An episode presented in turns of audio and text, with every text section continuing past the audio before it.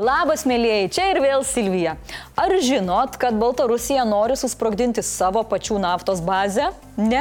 Nu, tai va tuoj sužinosit.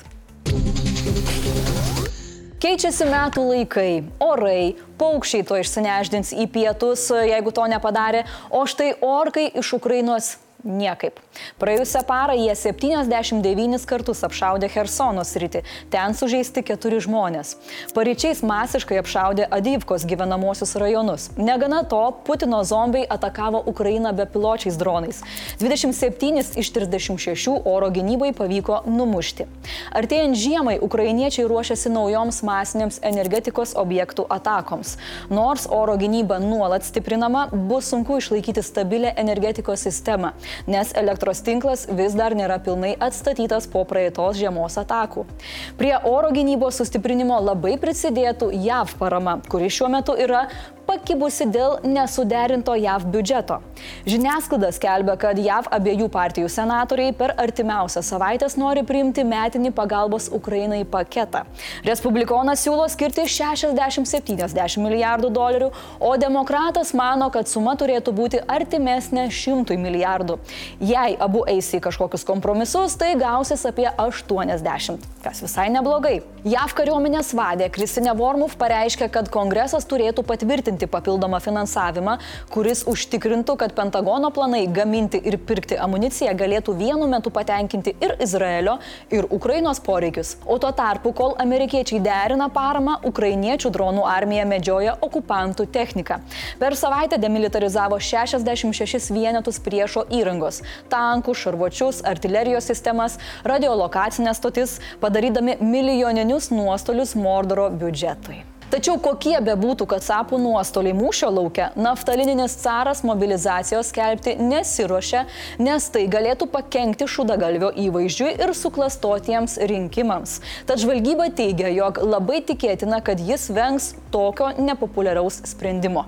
Karo nusikaltelis Igoris Girkinas teigia esantis 99 procentais užtikrintas, kad Kremlius nuspręs įšaldyti frontą iki prezidento rinkimų ir sieks užkirsti kelią ukrainiečių ukrainiečių pajėgų proveržiams. Nesuprantu, ko čia visi taip nerimsta dėl tų rinkimų. Juk Putkos avataras Paskovas aiškiai pasakė, Mordore rinkimų nėra, tik brangiai kainuojanti biurokratija.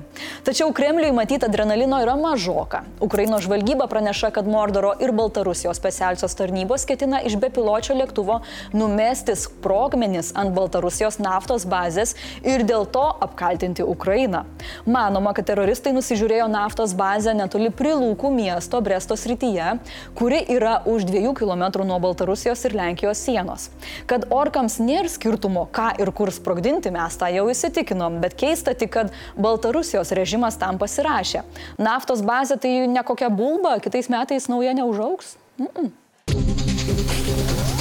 Situacija Izraelyje po truputį stabilizuojasi. Šalies gynybos paėgos beveik atkūrė pasienio su gazos ruožų kontrolę po to, kai šeštadienį netikėtą ataką surengė Hamas teroristai.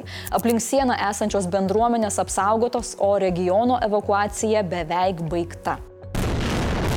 Nuo šeštadienio Izraelio paėgos taikiniams gazoje smogia jau 1707 kartus.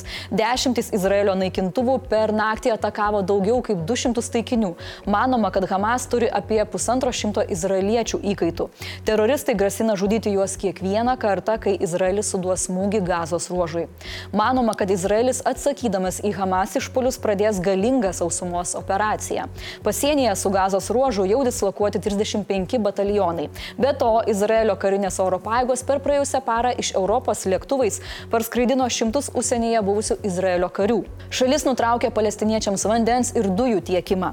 Žmogaus teisų gynimo organizacija Human Rights Watch informavo, kad tai pažeidžia kariavimo taisyklės. Visgi Izraelio ministras pirmininkas griežtai pasakė, kad čia tik pradžia.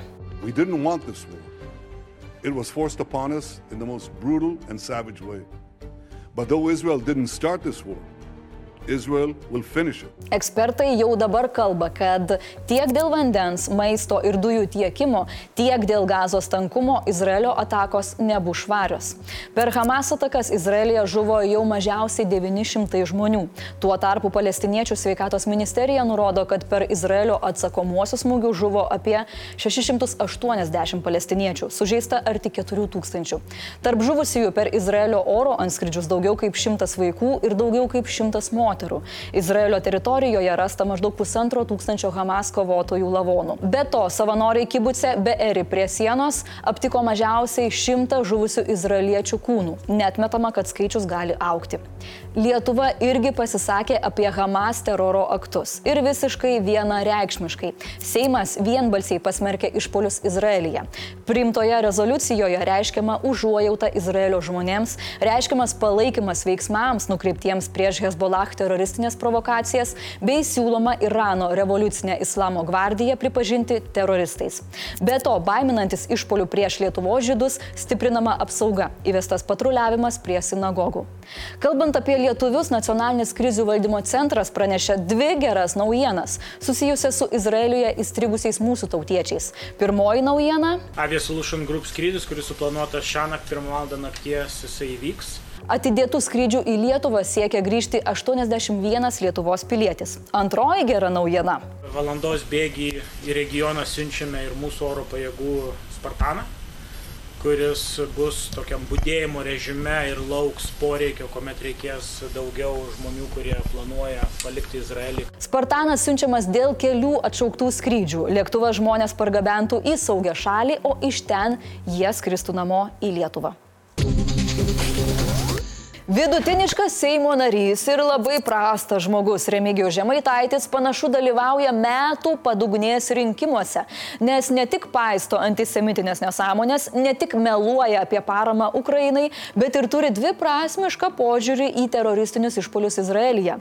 Šiandien Seimas posėdį pradėjo pagerbdamas Izraelyje žuvusias aukas. Tačiau Remyga vos paskelbus tylos minutę paliko savo darbo vietą ir išėjo. Tiesa, pats Žemaitaitis pradėjo tai neikti ir sakyti, kad sugrįžo ir stovėjo kartu su visais. Aišku, iš šitos pasiteisinimus reikėtų žiūrėti atsargiai, nes prieš porą dienų Žemaitaitis savo Facebook paskyroje apie teroristinius išpolius jau pateikė nedviprasmišką nuomonę. Verslininkas Danielius Bunkus ne tik pasipiktino Remigiaus pasisakymu, bet ir pasidalijo asmeninėmis peripetijomis. Pasak Bunkaus, Žemaitaitis yra degradas, kurio tikslas yra pasipjarinti. Bunkus pasidalijo skaudžią istoriją apie per išpolius nužudytą draugą. Tuo tarpu Seimo apkaltos komisija atšaukė savo išvadas dėl apkaltos Žemaitaičiui ir prašo parlamento pratesti jos darbą. Komisija nori išvadas papildyti naujausiais Seimo nario pasisakymais. Tiesa, norėtų ir patį kaltinamą įmanomai apklausti, bet yra bėda, jo neįmanoma pagauti. Žemaitaitis nepasirodė ne viename komisijos posėdėje ir sako, kad posėdžio data ir laikas turėjo būti derinami su juo iš anksto. Be to, antisemitas laiko komisiją neteisėta. Beje, opozicija iki šiol buvo linkusi išsukti žemaitaitį, tačiau sklinda gandai, kad jie jau keičia savo poziciją. Nu, nes virutis kaip reikiant prisičiūdijo, tai ne čia ko. Darbiečiai sako, kad įsitrauks į komisijos veiklą. Sotsdemai neįsitrauks, bet komisiją palaiko. Skvernelio demokratai irgi palaiko, o valstiečiai išplatino pasmerkimą bei kreipėsi į prokuratūrą. Mėlyje, ir iš karto noriu jūsų tada paklausti, o kaip jūs nubaustumėte žemaitaitį, jeigu galėtumėte teikti pasiūlymus Seimui? Labai lauksiu jūsų komentarų. Blitz naujienos. Pirmadienį koronavirusas patvirtintas 435 žmonėm. Iš jų pakartotinai susirgo 126 žmonės, mirė vienas. Prisiminkime, kad reikia būti sąmoningiems ir jei jaučiate peršalimo simptomus, viešoje vietoje būtina dėvėti medicininės veido kaukės ir iš vis geriau sergat, būkite namie, gerkite arbatų. Žaliųjų partija su pirmininkė Jeva Budraitė prieš akį šiandien prie Seimo surengė protesto akciją dėl naktinio matymo taikiklių. Projektas numato, kad prietaisai būtų naudojami tik medžiojant šernus ir neinvazinius gyvūnus. Tai būtų sudaromos sąlygos reguliuoti jų populiaciją. Pirmininkė sako, kad tokių taikiklių įteisinimas reikštų aplinkosaugos regresą ir niekas nesukontroliuotų, kokie žvėris iš tiesų yra medžiojami šio įrankio pagalba. Metas atsisveikinti su metalo roko alternatyvios muzikos atlikėjus ir gerbėjus suburdavusiu festivaliu Devil Stone. Ir nebenuvyksime į jį ne todėl, kad anikščių močiutės ir bažnyčios nugalėjo nusiskundimais dėl triukšmo ir nepasitenkinimo satanistiniais elementais, o todėl, kad festivalio organizatoriai pasakė, kad organizavimui atidavė jaunystę, o dar ir korona atimė buvusią motivaciją. Nu tai va tokie reikalai. Slovakijos rytus pirmadienio vakarą ištiko 5 balų žemės drebėjimas, kurį pajuto net 6 milijonai žmonių 200 km spinduliu. Drebėjimas buvo juntamas ir Ukrainoje, Lenkijoje, Vengrijoje bei Rumunijoje. Apgadinti pastatai teko evakuoti keliasdešimt žmonių. Pats žemės drebėjimo epicentras buvo Stropkovo rajone, esančiame apie 20 km nuo sienos su Lenkija. Priminu, mėlyjeji, kad komentaruose laukiame labai jūsų siūlymų, kokią bausmę skirtumėte žemaitaičiui už tokius pasisakymus, Jėzus Marija. O šitiems reikės sugalvoti, į kokį naują festą varyti vietoj Devilstauno. Hmm?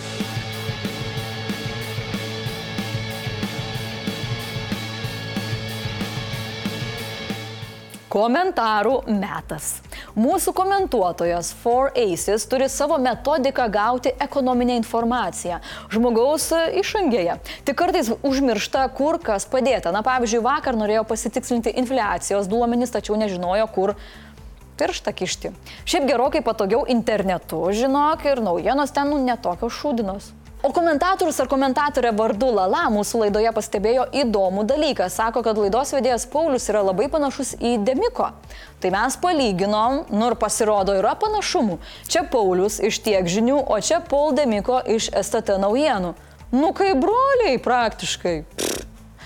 Tai šią linksmą gaidą aš jums sakau gražaus likusio antradienio ir tiek žinių.